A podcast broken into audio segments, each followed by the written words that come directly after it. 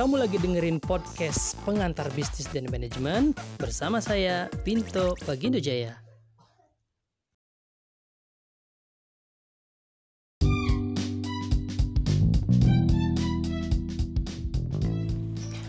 Assalamualaikum, selamat pagi teman-teman semua. Balik lagi kita di podcast tentang pengantar bisnis dan manajemen barengan PJ Pinto Bagindo Jaya. By the way, gimana kabarnya hari ini? Mudah-mudahan semuanya pada sehat, kemudian semuanya kembali beraktivitas walaupun masih di era new normal ya tapi semuanya tetap jaga protokol kesehatan ya guys. Kita baik lagi materi kita hari ini. Kita sudah masuk ke bab 10 yaitu mengenai fungsi perencanaan. Setelah minggu lalu kita bahas tentang kewirausahaan dan manajemen bisnis. Sedikit di review ya. Nggak terlalu dalam tapi uh, minggu lalu teman mudah-mudahan teman-teman memahami apa saja yang masuk dalam aspek uh, dalam memanage sebuah bisnis. Nah, sekarang kita masuk ke dalam fungsi perencanaan yaitu planning ya. Apa saja yang bakalan teman-teman dapatkan hari ini? Yaitu akan memahami tentang pengertian perencanaan dan berbagai pendekatan dari perencanaan. Kemudian akan mendapatkan pemahaman tentang hierarki perencanaan dan juga mendapatkan pengetahuan tentang tingkatan perencanaan dan jenis-jenis rencana. Jadi siapin diri kamu rulesnya masih sama nggak berubah mudah-mudahan kita bisa menyelesaikan podcastnya dengan baik oke okay? stay tune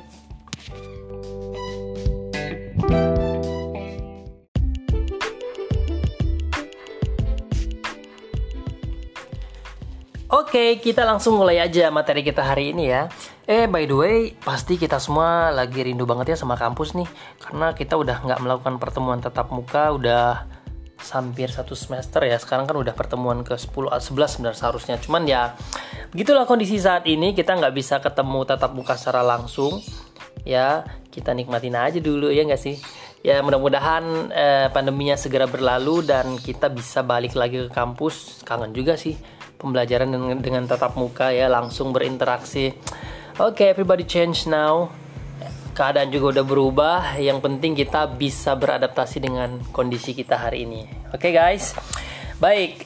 Anyway, di materi kita tentang fungsi perencanaan uh, banyak banget nih uh, perusahaan bisnis yang sudah berjalan dan bukan merupakan usaha yang baru ya. Walaupun di tengah pandemi seperti ini banyak banget usaha-usaha baru atau startup tuh mulai bermunculan nih guys ya. Tapi menjalankan usaha dalam tiga dimensi waktu seperti beberapa perusahaan-perusahaan besar nih. Contohnya ada CT Corp itu yang melakukan akuisisi PT Carrefour Indonesia dan mendiversifikasi bisnisnya dan memasuki bisnis retail. Padahal dulu Carrefour uh, segmennya itu nggak retail ya. Atau juga dulu ada Nokia yang awalnya sih bukan uh, bergerak di bidang telekomunikasi ya. Bahkan Nokia itu orientasi bisnis lamanya itu kertas dan penyedia tenaga listrik. Tapi ketika zaman Nokia lagi booming-boomingnya, mereka bisa mengalihkan core bisnisnya. Nah, kita akan bahas tentang uh, planning-planning perusahaan-perusahaan besar. Kita awali dengan uh, pengertian perencanaan dan berbagai pendekatan perencanaan ya. Oke guys, perencanaan atau planning merupakan berbagai kegiatan yang berkaitan dengan penetapan di awal bagian tujuan. Penetapan strategi serta penetapan berbagai langkah operasional secara rinci, misalnya dalam bentuk program yang akan memungkinkan tercapainya tujuan perusahaan. Terdapat dua landasan teori untuk melihat pelaksanaan peran manajer dalam mengelola suatu perusahaan landasan yang pertama nih adalah teori dari market, market theory yang dikemukakan oleh Chamberlain. Menurut teori ini, setiap keputusan yang diambil oleh manajer pada dasarnya merupakan sebuah keputusan yang reaktif terhadap berbagai perkembangan yang terjadi di lingkungan perusahaan. Sehingga, menurut pandangan teori ini, manajer hanyalah merupakan aktor yang bertindak menurut perkembangan pasar. Jadi, eh, perkembangan pasar itu salah satu hal utama yang menentukan keputusan kebijakan perusahaan ya. Sebagaimana kita lihat nih di kondisi seperti sekarang, kita lihat iklan-iklan di TV deh. Ya, banyak produk-produk yang tagline-nya itu di rumah aja. Kemudian mereka membuat trigger bagaimana orang-orang yang beraktivitas di dalam rumah tetap menggunakan produknya. Sebut merek ya, contohnya Milo nih ya. Milo itu kan uh, dalam tagline produknya itu untuk anak-anak yang aktif tapi mereka sekarang harus beradaptasi nih. Ya bagaimana membuat produk mereka tetap diminati walaupun nggak aktif. Jadi mereka bikin uh, tagline gitu ya tetap aktif di rumah. Jadi mengarahkan konsumennya untuk mengunjungi websitenya. Kemudian melihat aktivitas apa saja yang bisa dilakukan di dalam rumah tapi tetap aktif. Nih ya. Nah ini salah satu bentuk beradaptasi. Banyak juga produk-produk yang lain ya guys ya. Baik Nah, sehingga menurut pandangan teori ini, manajer itu hanya merupakan aktor yang bertindak menurut perkembangan pasar. Pada ujung kontinum, kontinum yang lain beras, uh, terdapat planning and Control Theory yang sangat dipengaruhi, eh, dipengaruhi oleh pemikiran dari Russell. Menurut teori ini, manajer merupakan aktor yang aktif dalam mengelola keadaan perusahaannya, di antaranya dengan memperkirakan terlebih dahulu tanggapan apa yang akan dilakukan perusahaan terhadap perubahan lingkungan yang diperkirakan akan terjadi pada masa depan. Dengan kata lain, teori ini menekankan kepada para manajer dalam melakukan kegiatan perencanaan atau planning. Jadi manajer itu penting banget ya guys punya plan ke depannya ya, punya visi, apa yang harus dilakukan. Nah, by the way ngomong soal planning, nah dalam hidup kan kita punya visi dan misi. Visi itu adalah tujuan akhir kita harus ngapain sih? Kita harus ada di mana? Kita harus mendapatkan target apa? Nah, e, misi adalah ide-ide yang kita tuangkan dalam mendapatkan visi tersebut. Nah, planning ini bisa masuk dalam misi-misi. Apa aja yang akan kita lakukan? Pada kenyataannya, manajer melaksanakan perannya sebagai manajer di antara kedua uh, ujung ekstrim teori tersebut. Pada satu waktu, perusahaan dihadapkan pada situasi yang didominasi oleh berbagai variabel yang tidak dapat dikembalikan dikendalikan oleh manajemen perusahaan. Sehingga situasi tersebut sangat dominan dalam menentukan nasib perusahaan. Contoh nih, pada saat krisis moneter dulu melanda Indonesia, banyak perusahaan mengalami kebangkrutan yang disebabkan oleh memburuknya kondisi keuangan perusahaan secara mendadak, yang disebabkan antara lain oleh menurunnya nilai tukar mata uang rupiah terhadap dolar secara ekstrim, di mana penurunan mata uang rupiah secara ekstrim tersebut tidak dapat dikendalikan oleh perusahaan. Atau contohnya seperti sekarang ya, ketika orang uh, ketika dunia bisnis sangat lesu sekali ya uh, perusahaan-perusahaan perusahaan-perusahaan misalnya ya atau juga uh, tempat makan atau juga restoran mereka merubah uh, core bisnisnya. Ada planning-planning baru. Contoh nih ya uh, perusahaan uh, tempat makan sekelas Pizza Hut.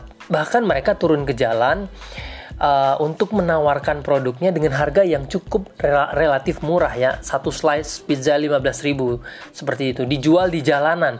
Kita nggak pernah loh lihat uh, Pizza Hut memasarkan produknya sampai harus turun ke jalan. Tapi dengan kondisi seperti ini, mungkin manajernya punya planning. Oke, okay, agar penjualan tetap berjalan, mereka harus menerapkan strategi-strategi baru. Contohnya direct uh, direct selling itu langsung menjual ya kepada konsumen. Nah, ini salah satu peran manajer.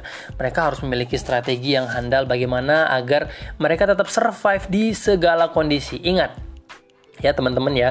Kalau perubahan itu sangat penting dan kita yang terpenting adalah beradaptasi dengan perubahan yang terjadi. Kalau kita nggak beradaptasi dengan perubahan yang terjadi kita akan ditinggalkan atau tertinggal. Jadi seandainya kalau uh, Pizza Hut katakanlah misalnya seperti tadi mereka nggak turun ke jalan atau memasarkan produknya secara direct teriak-teriak di pinggir jalan menjualkan uh, menjual produk Pizza Hut. Ya mereka nggak akan mungkin mencapai target penjualan yang bagus mungkin ya.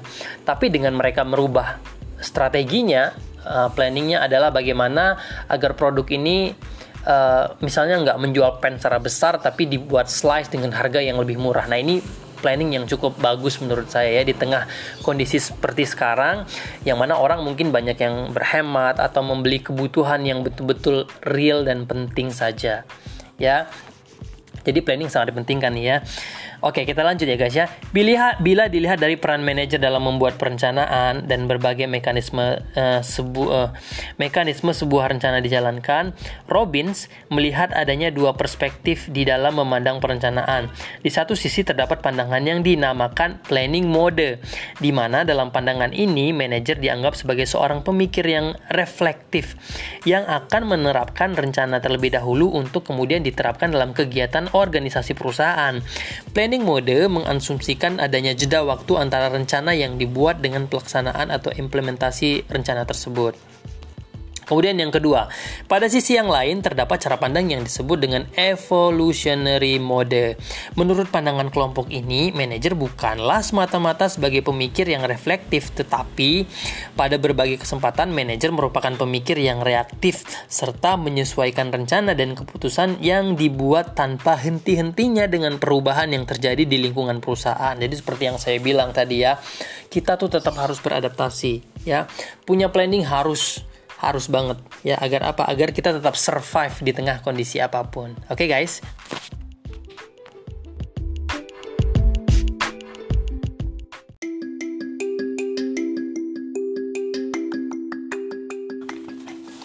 Oke okay guys, kita lanjut nih ya ke pembahasan kita yang pertama yaitu tentang hierarki perencanaan.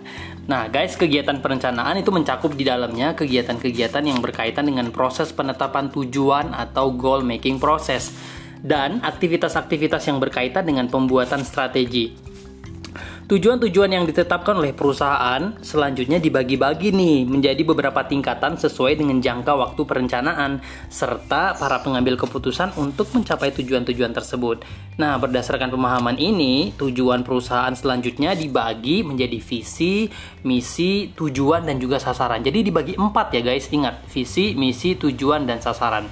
Oke, kita bahas satu-satu. Kita bahas tentang visi dulu ya pernyataan visi dibuat oleh perusahaan terutama untuk menjawab pertanyaan what will our business be. Jadi pengen jadi apa sih bisnis kita itu pertanyaan yang paling pertama. Atau pertanyaan what do we want to become? Nah, Pertanyaan visi menunjukkan arah strategis perusahaan untuk mencapai berbagai hasil di masa mendatang sehingga akan menuntut pengerahan sumber daya perusahaan bagi pencapaian berbagai tujuan tersebut. Visi yang dibuat oleh perusahaan memiliki kaitan yang sangat erat dengan misi perusahaan. Jadi visi dan misi itu uh, sejalan gitu ya guys ya. Misal mudahnya gini nih. Visi kalian ketika bangun tidur ya adalah berangkat ke kampus. Itu visinya. Nah, misinya adalah serangkaian kegiatan yang mana yang dilakukan agar mencapai visi tersebut. Misalnya kamu pengen menuju ke kampus itu tujuannya, visinya ya. Jadi misinya apa? Kamu bangun tidur, kemudian kamu mandi, kemudian kamu mau berangkat ke kampusnya naik kendaraan atau umum atau naik motor atau naik mobil, kemudian jalan mana yang kamu akan lewati. Nah, itu namanya misinya. Jadi visi itu adalah tujuan akhirnya mau ke mana. Misinya serangkaian kegiatan yang dilakukan agar sampai ke tujuan akhir. Simpelnya gitu ya guys. Jadi Visi yang dibuat oleh perusahaan memiliki kaitan yang sangat erat dengan misi perusahaan. Dalam arti arah strategis yang dinyatakan di dalam visi masih berada dalam lingkup usaha yang dijalankan oleh perusahaan.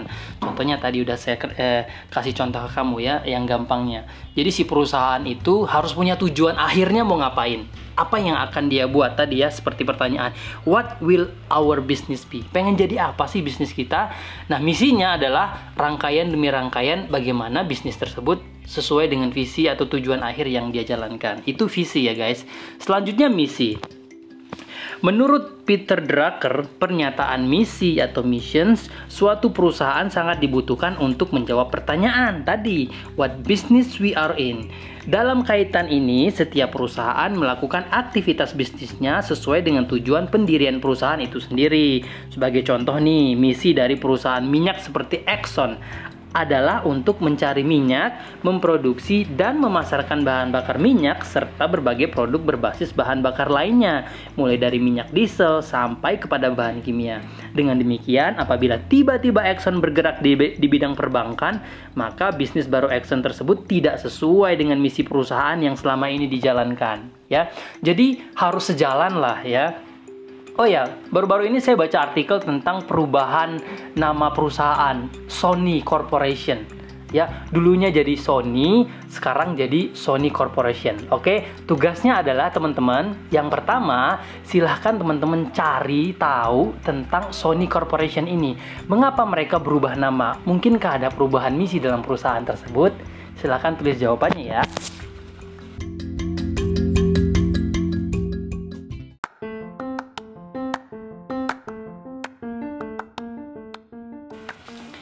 Oke, kalau tadi kita sudah bahas visi dan misi, yang menjadi tujuan perusahaan tadi dibagi empat nih ya, ada visi, misi, tujuan, dan sasaran. Nah, sekarang kita masuk ke bagian tujuan atau goals. Tujuan adalah hasil akhir yang ingin dicapai pada akhir masa perencanaan dengan jangka waktu pencapaian satu tahun atau lebih.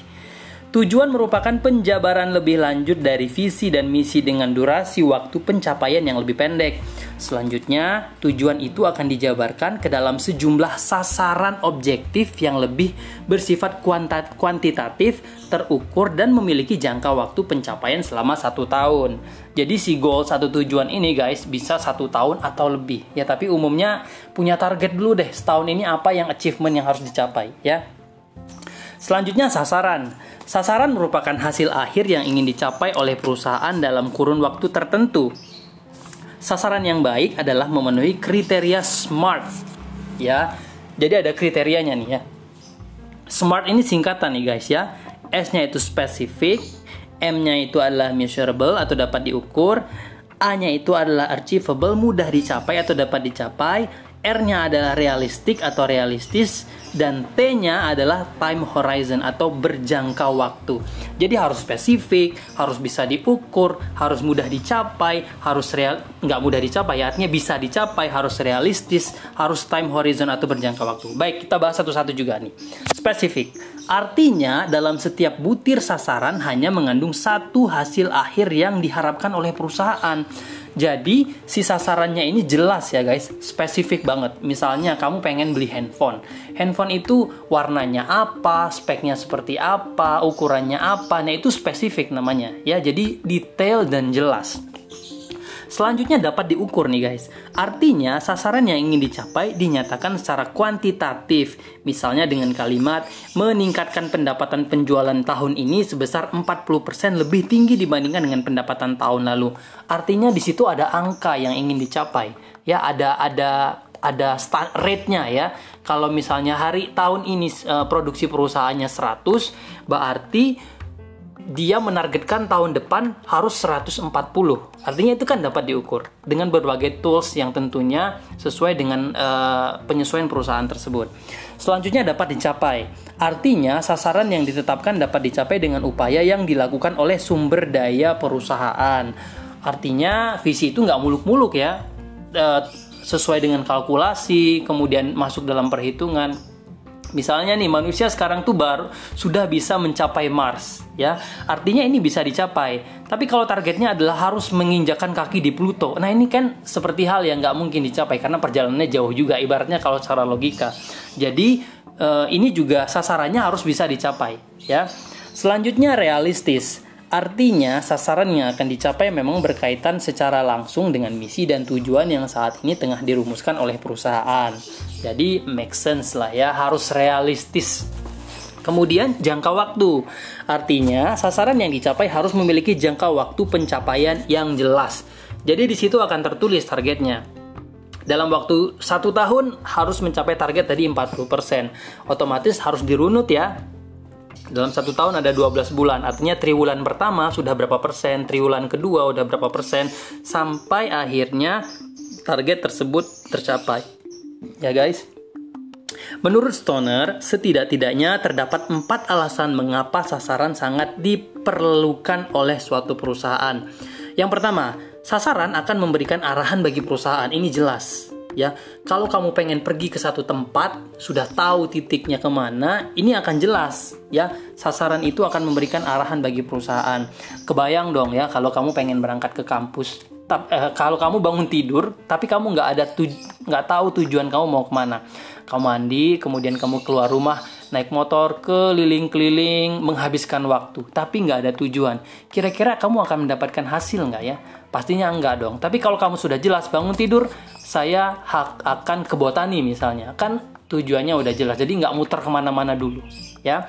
Itu pentingnya sasaran karena sasaran akan memberikan arahan bagi perusahaan tanpa adanya sasaran, individu-individu dalam organisasi serta organisasi itu sendiri secara keseluruhan tidak akan memiliki suatu kejelasan mengenai apa yang ingin mereka capai. Termasuk dalam organisasi juga ya guys, dan termasuk juga dalam hidup sih sebenarnya ya. Sasaran menjadikan aktivitas organisasi menjadi lebih fokus ini yang kedua. Kalau yang pertama tadi sasaran akan memberikan arahan bagi perusahaan, yang kedua sasaran menjadikan aktivitas organisasi menjadi lebih fokus. Kenapa? Setiap organisasi memiliki sumber daya yang terbatas, sedangkan pilihan untuk menggunakan sumber daya organisasi yang terbatas tersebut sangat banyak nih guys. Melalui penetapan sasaran yang jelas, manajer perusahaan dapat memilih penggunaan sumber daya yang paling sesuai dengan sasaran yang ingin dicapai oleh perusahaan. Itu nomor dua ya. Yang ketiga, sasaran dapat dijadikan rujukan bagi pembuatan rencana lainnya serta pengambilan keputusan ya. Jadi maksudnya adalah dengan adanya sasaran, maka perusahaan dapat menetapkan strategi apa sih yang dapat dikembangkan untuk mencapai sasaran serta keputusan yang bagaimana yang dapat menunjang pencapaian sasaran perusahaan tersebut. Itu ketiga. Yang keempat adalah sasaran menjadi dasar melakukan evaluasi.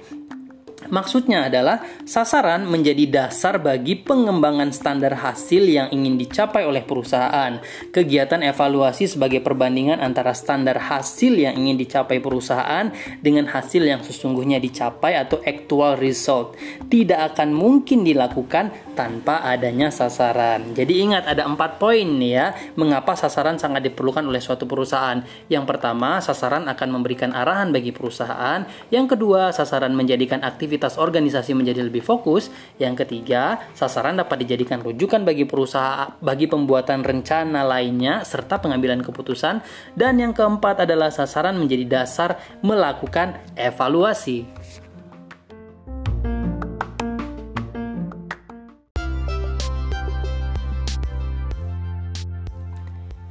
Well guys, tadi kita udah bahas tentang pemahaman tujuan perusahaan yang dibagi jadi empat ya, visi, misi, tujuan, dan sasaran. Oke, pertanyaan nomor dua nih ya. Coba deh kamu jelaskan tadi menurut Stoner ada empat alasan mengapa sasaran sangat diperlukan oleh satu perusahaan. Sebutkan satu-satu dan coba kamu jelaskan berdasarkan penjelasan sebelumnya ya. Baik, sekarang kita masuk ke bahasan tentang strategi. Ya, pada awalnya, konsep strategi didefinisikan sebagai cara untuk mencapai tujuan. Konsep generik ini terutama sesuai dengan perkembangan awal penggunaan konsep strategi yang digunakan untuk di uh, dunia militer. Jadi kalau kita uh, tentang bahas tentang strategi pasti ingatnya perperangan biasanya ya awalnya. Tapi sekarang strategi masuk ke dalam semua lini, bisnis, olahraga dan lain-lain. Strategi dalam dunia militer adalah berbagai cara yang digunakan oleh panglima perang untuk mengalahkan musuh dalam suatu perperangan. Sedangkan cara yang digunakan oleh pasukan untuk memenangkan pertempuran digunakan adalah taktik. Jadi beda ya strategi dengan taktik nih guys ya. Sejalan dengan perkembangan konsep manajemen strategik, strategi tidak didefinisikan hanya semata-mata sebagai cara untuk mencapai tujuan, karena strategi dalam konsep manajemen strategik mencakup juga penetapan berbagai tujuan itu sendiri melalui berbagai keputusan strategis yang dibuat oleh manajemen perusahaan yang diharapkan akan menjamin terpeliharanya keunggulan bersaing dalam perusahaan. Berikut ini adalah eh, beberapa definisi dari konsep strategi yang dikemukakan oleh Sandler dan juga Andrews yang di mana strategi dalam pengertian ini mencakup juga penetapan berbagai tujuan serta arah pengusaha pengusahaan perusahaan dalam jangka panjang ya Adapun yang dimaksud dengan keputusan strategis merupakan keputusan-keputusan yang akan mempengaruhi keberlangsungan perusahaan sebagai sebuah korporasi dan unit bisnis dalam jangka panjang. Sebagai contoh nih, keputusan Wings untuk masuk dalam industri makanan dengan memproduksi mie sedap. Ini merupakan keputusan strategis yang akan berpengaruh terhadap korporasi. Nah, sebelumnya kita tahu kan kalau Wings ini produk-produk sebelumnya itu seperti sabun, deterjen dan lain-lain. Tapi mereka ekspansi bisnis nih guys. Mulai masuk ke industri makanan ya, Wings Food dengan memproduksi makanan dan minuman tentunya ya, mie sedap, minuman, kopi-kopian dan lain-lain. Bila Wings, Wings Food sebagai unit bisnis dari kelompok usaha Wings selanjutnya memutuskan untuk menambahkan item produk mie sedap yang baru, maka keputusan tersebut merupakan keputusan strategis yang akan berpengaruh terhadap unit bisnis bisnis Wings Food. Dalam kaitan ini, Porter berpendapat bahwa tujuan utama pembuatan strategi oleh perusahaan yang di dalamnya mencakup berbagai keputusan strategis adalah agar perusahaan itu mampu menghadapi perubahan lingkungan dalam jangka panjang. Artinya, ketika Wings memutuskan untuk membuka eh, lini bisnis barunya, memperlebar masuk ke area Wings Food, itu artinya keputusan yang strategis memper, agar bisa mempertahankan perusahaan tersebut dalam jangka panjang. Di luar itu juga uh, pangsa pasarnya sangat luas nih guys ya ketika perusahaan menggarap bisnis makanan dan minuman ya karena semua orang itu pasti butuh makan dan minum. Jadi tinggal tergantung bagaimana strategi marketing dan uh, pemasarannya saja ya apakah produk tersebut bisa diterima atau tidak toh buktinya sekarang produk-produk dari Wings itu ya bisa diterima oleh masyarakat oke okay?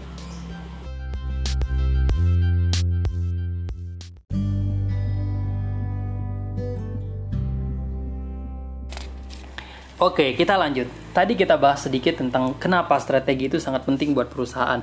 Nah, ada satu hal juga yang harus kamu tahu tentang strategi. Dalam strategi itu kita kenal istilah 5P atau 5 Ps, ya. Melihat strategi hanya sebagai salah satu bagian dari rencana, ternyata tidak dapat memberikan penjelasan yang memuaskan terhadap berbagai fenomena strategi dalam dunia bisnis. Oleh sebab itu, Minbergs memperluas konsep strategi dan mendefinisikan strategi strategi dengan memperhatikan berbagai dimensi dan konsep strategi. Minbergs menamakannya adalah Five Piece of Strategy, ya. Jadi 5 P strategi. Yaitu yang pertama, strategi strategi as a plan. Dalam hal ini terdapat dua karakteristik strategi yang sangat penting, yakni pertama, Strategi direncanakan terlebih dahulu secara sadar dan sengaja mendahului berbagai tindakan yang akan dilakukan berdasarkan strategi yang dibuat tersebut. Kedua, strategi dikembangkan dan diimplementasikan kemudian agar mencapai suatu tujuan. Strategi adalah sebuah plan sesuai dengan rumusan strategi yang disampaikan oleh Gluck di mana menurutnya strategi is unfilled, comprehensive, an integrated plan designed to ensure that the basic objective of enterprise are achieved. Strategi merupakan suatu rencana yang padu, menyeluruh dan terintegrasi yang dirancang untuk memastikan bahwa tujuan-tujuan pokok perusahaan itu dapat dicapai. Itu ya, strategi as a plan sebagai sebuah rencana. Yang kedua, strategi as a ploy. Dalam hal ini, strategi merupakan suatu manuver yang spesifik untuk memberi isyarat mengancam kepada pesaing perusahaan.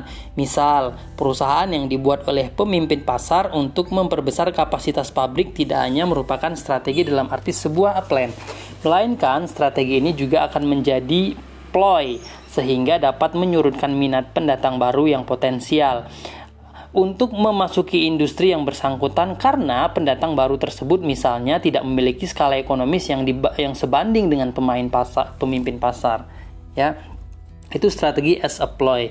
Selanjutnya strategi as a pattern. Strategi sebagai sebuah pola menunjukkan adanya serangkaian tindakan yang dilakukan oleh manajemen dalam mengejar sebuah tujuan. Dalam hal ini, Minbergs membagi strategi sebagai sebuah pola ke dalam lima kategori strategi, yaitu intended strategi, deliberate strategi, unrealized strategi, emerging strategi, dan juga realized strategi.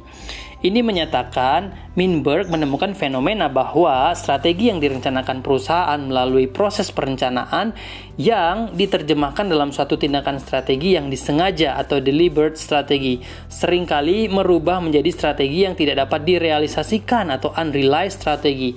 Akibatnya terjadilah perubahan lingkungan perusahaan.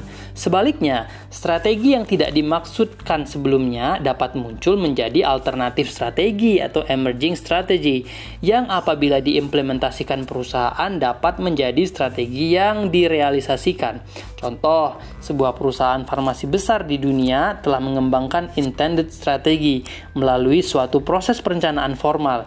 Tetapi berbagai perubahan lingkungan yang terjadi seperti wabah SARS, flu burung, dan flu babi telah memunculkan emerging strategi melalui berbagai upaya yang dilakukan perusahaan farmasi besar tersebut untuk menemukan obat yang dapat mengatasi berbagai penyakit tersebut yang menghasilkan laba bagi perusahaan ya. Ya, mungkin sedikit banyak kita tahu ya di uh, pandemi seperti sekarang bahkan perusahaan beberapa negara dan ilmuwan belum menemukan ya apa sih obatnya sebenarnya COVID-19 atau bagaimana menciptakan vaksin ya. Mudah-mudahan ini segera berlalu ya guys ya. Oke, setelah strategi as a plan, strategi as a ploy, strategi as a pattern, yang terakhir adalah strategi strategi as a position.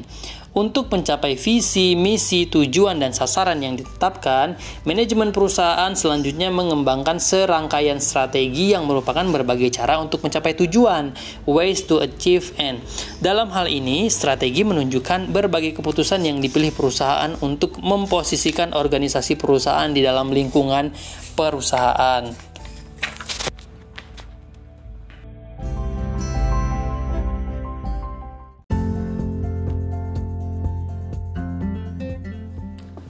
Oke okay guys, kita lanjut ke bahasan kita selanjutnya tentang fungsi perencanaan atau planning ini ya.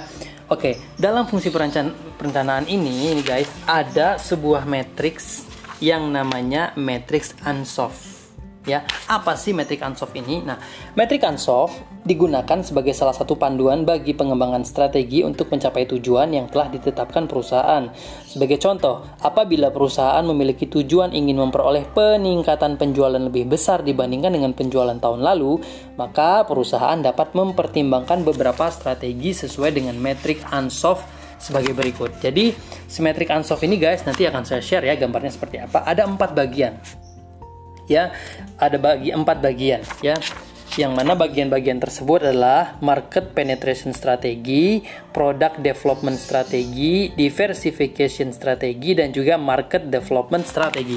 Kita bahas satu-satu ya. Market penetration strategi.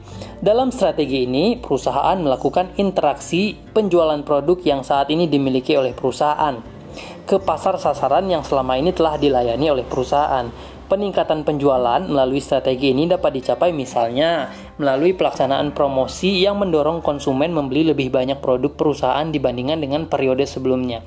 Jadi penetration strategi ini guys yang dilakukan perusahaan bagaimana dia melakukan promosi yang mendorong konsumen membeli lebih banyak produk perusahaan dibandingkan dengan periode sebelumnya. Misalnya mereka dengan melakukan diskon ya kemudian melakukan buy one get one kalau kita lihat di kalau kamu masuk ke Alfamart, Domart ada produk yang lagi promo di depan. Nah, ini mereka sedang penetrasi strategi nih ya. Bagaimana caranya agar penjualannya naik ya. Entah itu dengan diskon, entah itu bonus, hadiah dan lain-lain ya itu namanya penet, uh, marketing penetration strategi. Yang kedua, product development strategi. Dalam strategi ini, perusahaan memasarkan produk baru atau new product ke pasar sasaran yang selama ini dilayani oleh perusahaan dengan tujuan meningkatkan pendapatan penjualan profit dari perusahaan. Contoh, PT Wings menciptakan divisi Wings Food yang memproduksi mie sedap sebagai lini produk baru bagi PT Wings yang dipasarkan ke pasar yang saat ini menjadi pasar sasaran perusahaan atau existing market. Jadi si Wings ini kan sudah punya market sendiri, sudah punya nama dan juga punya sumber daya finansial, keuangan dan lain-lain. Jadi yang mana perusahaan tersebut ingin meningkatkan profit perusahaannya, diciptakanlah lini perusahaan baru, Wings Food yang mana memproduksi makanan dan minuman yang tujuannya adalah tetap ya meningkatkan pendapatan perusahaan. Itu adalah product development strategy, menciptakan produk ya. Yang ketiga adalah market development strategy. Dalam strategi ini, perusahaan memasarkan produk yang saat ini diproduksi perusahaan atau existing product ke wilayah pemasaran yang baru atau new market. Misal, PT Sinar Ancol memasarkan produk sabun mandi ke wilayah pemasaran yang baru di wilayah Timur Tengah. Strategi ini pun sering digunakan oleh perusahaan yang menghasilkan produk konsumsi sehari-hari atau consumer good yang segera mengembangkan pemasaran produk secara nasional segera setelah produk yang diluncurkan di area pemasaran terbatas menunjukkan tanda-tanda keberhasilan. Misalnya, PT Unilever Indonesia memperluas pemasaran teh celup Sariwangi secara nasional setelah teh celup tersebut diterima dengan baik di wilayah pemasaran DKI Jawa Barat dan sekitarnya. Jadi ini namanya market development strategi. Jadi perusahaan sudah tahu produk A ini laku wilayah Jakarta seperti tadi ya saya sebutkan contohnya Sariwangi, maka dia mulai memasarkan secara nasional produk tersebut ya karena sudah ada e, gambaran bahwa produk ini laku di wilayah A. Selanjutnya, diversification strategi. Dalam strategi ini, perusahaan memasarkan produk baru ke pasaran sasaran yang baru.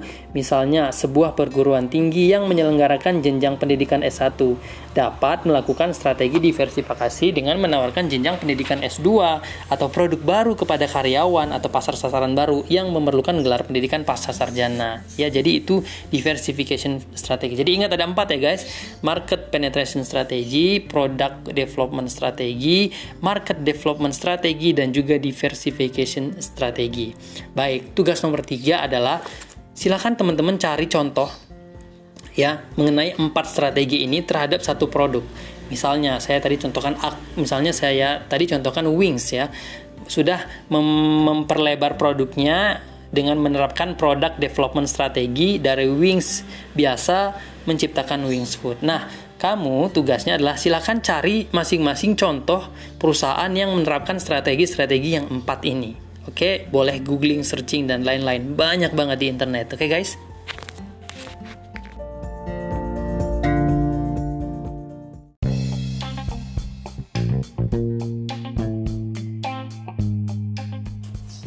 Baik, selanjutnya kita bahas tentang peramalan atau forecasting merupakan tugas khusus yang dilakukan oleh seorang manajer untuk memperkirakan masa depan berdasarkan pendekatan yang digunakan dalam melakukan peramalan. Peramalan yang dilakukan seorang manajer dapat dikelompokkan ke dalam dua kelompok yaitu proyeksi mekanis dan juga proyeksi analistis. Dalam kegiatan peramalan atau penganalisaan, atau perakiraan dengan menggunakan pendekatan proyeksi mekanis. Manajer berasumsi bahwa masa depan merupakan kesinambungan yang tidak terputus dari masa lalu. Sehingga manajer dapat mengeksplor mengekstrapolasikan masa yang akan datang berdasarkan data-data yang histori. Salah satu contoh penggunaan peramalan dengan menggunakan pendekatan proyeksi mekanis adalah peramalan penjualan dengan menggunakan perhitungan tren. Sedangkan dalam peramalan dengan menggunakan pendekatan proyeksi analitis Manajer berusaha untuk mengetahui faktor-faktor yang menyebabkan terjadinya peristiwa-peristiwa di masa lalu, sehingga dapat meramalkan arah perubahan di masa yang akan datang. Sebagai contoh nih, sebagai research and development atau R&D, R&D perusahaan akan melakukan analisis secara mendalam mengenai berbagai atribut produk yang dapat menjaga loyalitas konsumen terhadap produk perusahaan dan menganalisis bagaimana pesaing melakukan modifikasi modifikasi produk yang dapat mengakibatkan produk perusahaan menjadi usang dan konsumen perusahaan saat ini berpindah menjadi pengguna produk pesaing di masa yang akan datang. Jadi penting banget ya. Bukan meramal dalam hal mistis ya, artinya memperkirakan, memprediksikan seorang manajer harus punya kemampuan itu kira-kira tren ini akan tetap bertahan atau enggak sih di masa-masa yang akan datang.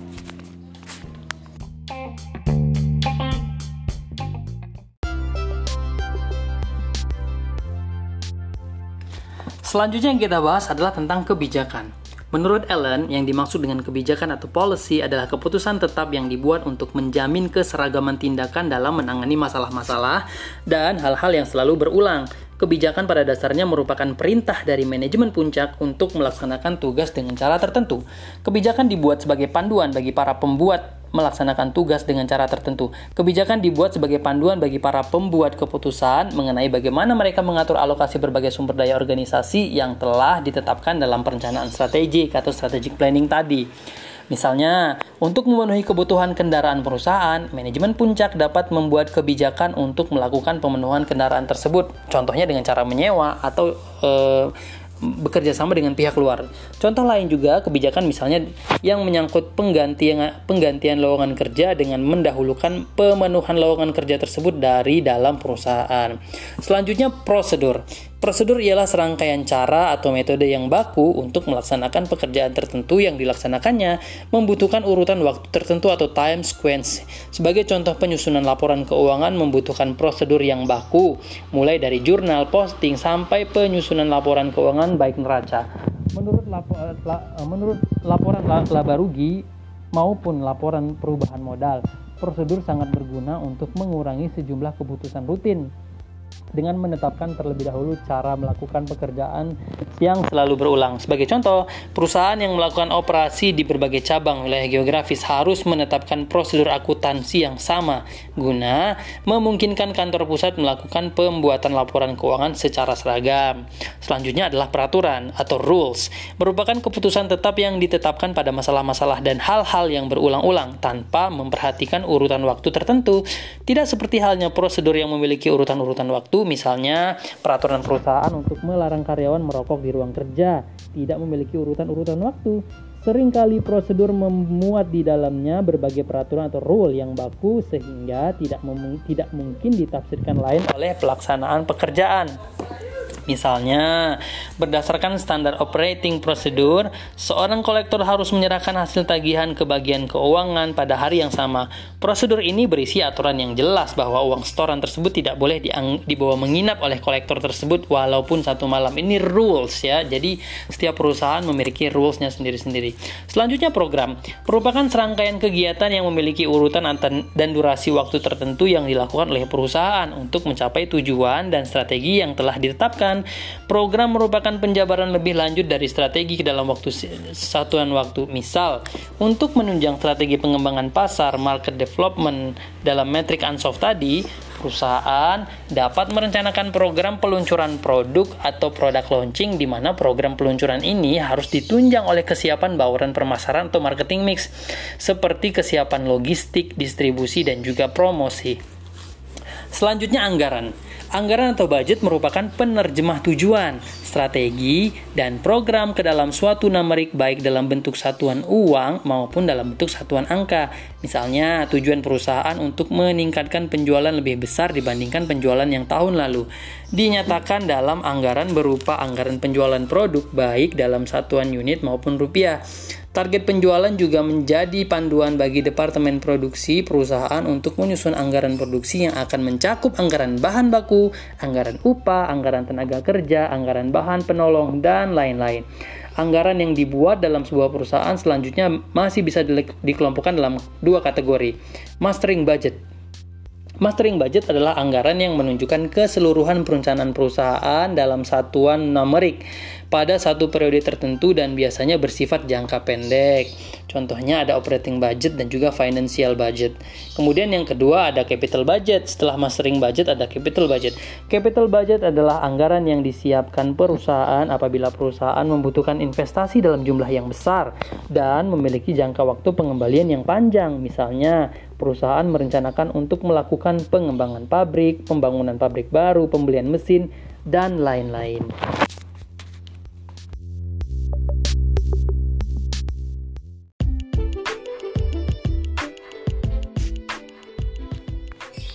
Well guys, kita lanjut pembahasan materi kita. Oh ya, by the way, udah pada sarapan belum nih? Udah mandi belum? Pagi-pagi ya. Gimana kuliahnya mudah-mudahan semua lancar ya. Kita berharap mudah-mudahan kita bisa kembali ke kampus dan melaksanakan eh, merasakan kembali aktivitas belajarnya di dalam ruangan ya berinteraksi, tanya jawab dan lain-lain. Eh by the way kalau ada pertanyaan teman-teman langsung WA ke saya ya mengenai semua materi yang udah kita bahas ya. Baik, kita lanjut ke tingkat perencanaan dan jenis-jenis rencana ya. Perencanaan perusahaan dalam sebuah perusahaan besar dapat dibagi dalam dua tingkatan nih guys ya, yaitu perencanaan korporasi dan juga perencanaan operasional. Kita bahas satu-satu. Perencanaan korporasi. Apa sih perencanaan korporasi? Merupakan perencanaan yang berisi penetapan tujuan dan strategi perusahaan yang meliputi keseluruhan organisasi perusahaan serta ditetapkan oleh manajemen puncak misalnya oleh dewan direksi ataupun chief executive officer atau CEO. Perencanaan korporasi dilakukan melalui suatu perencanaan strategis atau strategic planning. Perusahaan yang akan merumuskan arah pengembangan usaha dalam jangka panjang sehingga membuat arahan bagi alokasi sumber daya organisasi perusahaan. Ada yang namanya analisa SWOT nih guys ya. Salah satu alat analisis yang digunakan untuk menilai situasi persaingan sehingga dapat dijadikan dasar oleh perusahaan untuk berkompetisi dengan pesaing melalui analisa SWOT yang terdiri dari strength, weakness, opportunities, dan juga threat. Itu yang namanya SWOT ya, strength. Merupakan berbagai kekuatan internal sumber daya organisasi yang dimiliki perusahaan. Dalam hal ini, sumber daya organisasi dikatakan menjadi kekuatan bagi perusahaan bila kualitas sumber daya organisasi lebih baik atau minimal sama dengan pesaing. Misal, salah satu kekuatan yang dimiliki oleh PT Indofood Sukses Makmur adalah kesinambungan pasokan tepung terigu untuk industri mie dari PT Bogasari. Itu kekuatan yang dimiliki oleh sebuah perusahaan. Kemudian weakness merupakan berbagai kelemahan internal sumber daya organisasi yang dimiliki oleh perusahaan dibandingkan dengan pesaing. Nih, kalau kamu searching nanti ya analisa SWOT ya. Oke, ini jadi tugas terakhir deh. Analisa SWOT, kamu gambarkan bagannya seperti apa, kemudian kamu cari penjela beri penjelasan strength itu apa, weakness apa, opportunities dan threat itu apa. Oke. Okay? Um, weakness merupakan bagian kelemahan internal, menceritakan ketidakmampuan. Uh, ini contoh ya. Kotak 10.1 menceritakan ketidakmampuan Sampo Beauty untuk berkompetisi melakukan iklan secara intensif dengan produk-produk Unilever sebagai sunsilk dalam jangka panjang. Ini jadi ada suatu perusahaan ya yang mengeluarkan produk namanya Sampo Beauty. Mungkin tahun-tahun lalu kali ya. Karena kelemahan perusahaan tersebut tidak memiliki sumber daya keuangan yang tidak memumpuni, artinya uh, kalah pesaing dengan perusahaan besar sekelas Unilever yang mana produknya ada Sunsilk, Clear ya, yang mana iklannya bisa kita lihat setiap hari di televisi. Ya, jadi ini jadi kelemahan buat pesaing ya karena tidak ada dana untuk uh, jor-joran secara iklan gitu ya untuk untuk promosi. Jadi kelemahan jadi sebuah perusahaan. Selanjutnya adalah opportunities, merupakan berbagai kondisi maupun tren positif yang terdapat di lingkungan pasar Perusahaan yang dapat dieksploitasi oleh perusahaan untuk menciptakan keunggulan bersaing maupun keuntungan profit. Misalnya, pada saat memasuki surat kabar bisnis koran Tempo melihat salah satu sisi kelemahan koran pesaing pada umumnya koran pesaing tidak menyajikan berita secara tuntas dalam satu halaman. Hal ini menyebabkan pembaca koran harus mencari-cari sambungan berita di halaman koran selanjutnya yang merepotkan bagi para pembaca tersebut. Dengan melihat sisi kelemahan pesaing tersebut, koran Tempo menghadirkan format baru yang menyajikan berita secara tuntas dalam halaman yang sama. Hal ini merupakan benefit baru yang ditawarkan oleh koran Tempo dan tidak ditawarkan oleh koran lainnya. Walaupun seperti sekarang industri koran sudah sangat jauh menurun ya guys karena orang-orang sudah baca berita secara online. Selanjutnya, threats merupakan berbagai ancaman yang muncul dari lingkungan perusahaan seperti masuknya pesaing baru, perubahan teknologi, perubahan peraturan pemerintah, dan lain-lain yang dapat mengakibatkan kerugian bagi perusahaan. Contohnya, masuknya mie sedap sebagai pendatang baru dalam industri mie instan menjadi ancaman bagi Indomie, Sarimi, Supermie yang merupakan produksi dari PT Indofood. Contoh lain, pengenalan penanaman kapas transgenik dengan menggunakan teknologi rekayasa genetik merupakan ancaman bagi kapas lokal yang selama ini ditanam oleh para petani di Sulawesi. Demikian halnya kenaikan harga minyak dunia akhir-akhir ini menjadi ancaman bagi bagi industri otomotif. Selain itu, melalui proses analisis situasional yang ketat, perencanaan korporasi juga memiliki horizon waktu perencanaan jangka panjang 5-10 tahun mendatang serta memiliki komitmen alokasi sumber daya organisasi, misalnya keuangan yang sangat besar. Sebagai contoh, pada saat PT Unilever Indonesia memutuskan untuk memasuki bisnis es krim di Indonesia, maka keputusan untuk memasuki bisnis es krim tersebut dibuat dalam kerangka perencanaan korporasi. Karena dengan memasuki bisnis baru tersebut, Unilever harus berkomitmen untuk membuat pabrik es krim, melakukan distribusi es krim secara nasional, melakukan iklan, promosi, berbagai dana yang sangat besar. Dan keseluruhan investasi ini tentunya akan memiliki payback periode dalam kurun waktu yang tidak sebentar, artinya lama. Oke? Okay?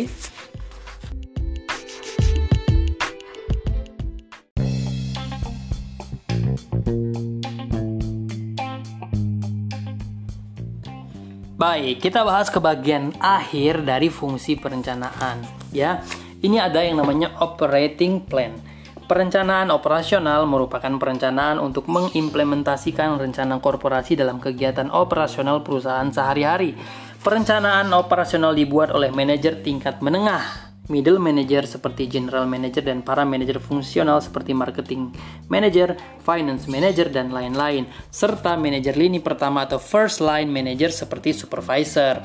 Perencanaan operasi juga memiliki horizon waktu yang pendek, Misal, untuk mencapai target penjualan di area pemasaran tertentu yang telah ditetapkan oleh direktur pemasaran sebagai hasil dari rencana korporasi, maka manajer pemasaran bersama-sama dengan para supervisor menyusun rencana operasional.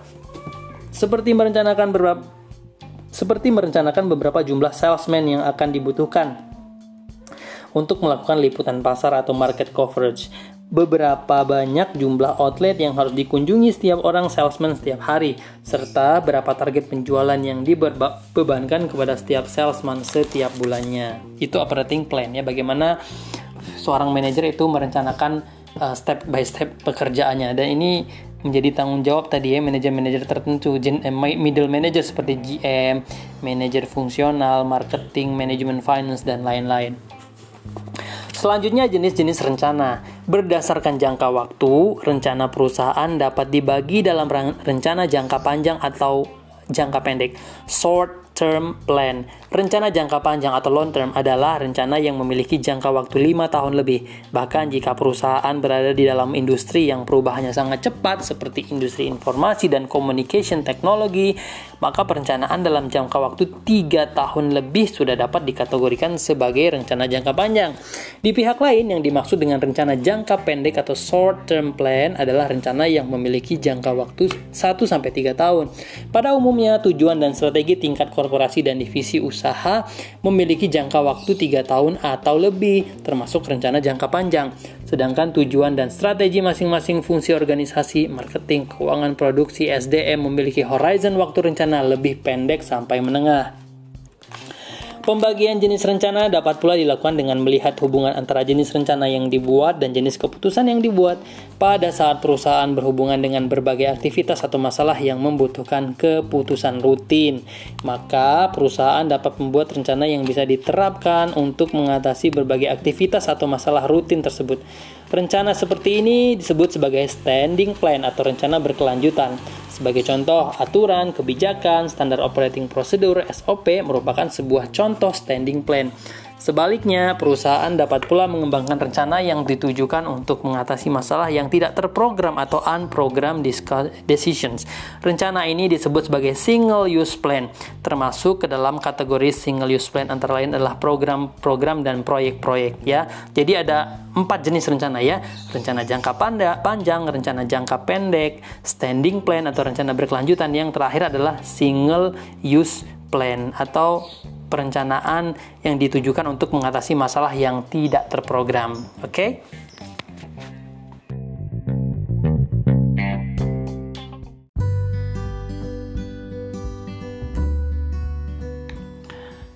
Oke okay guys, itu dia semua bahasan kita minggu ini tentang fungsi perencanaan.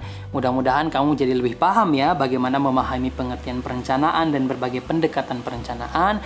Kemudian juga lebih paham mengenai pemahaman tentang hierarki perencanaan dan juga mendapatkan pengetahuan tentang tingkat perencanaan dan juga jenis-jenis rencana. Oke okay guys, tetap jaga kesehatan. Mudah-mudahan kita semua bisa ketemu lagi di kelas ya pengennya sih itu ya bisa kuliah lagi uh, uh, di dalam ruangan kelas kita dan kamu harus jaga kesehatan ya karena itu yang paling penting di era baru ini kita nggak mungkin bisa uh, terus-terusan diam di rumah tapi yang harus kita lakukan adalah bagaimana kita beradaptasi dengan kondisi kita saat ini. Well guys, jangan lupa kerjakan tugasnya dan jangan lupa dikirim ke saya ya. Thank you so much. Assalamualaikum warahmatullahi wabarakatuh.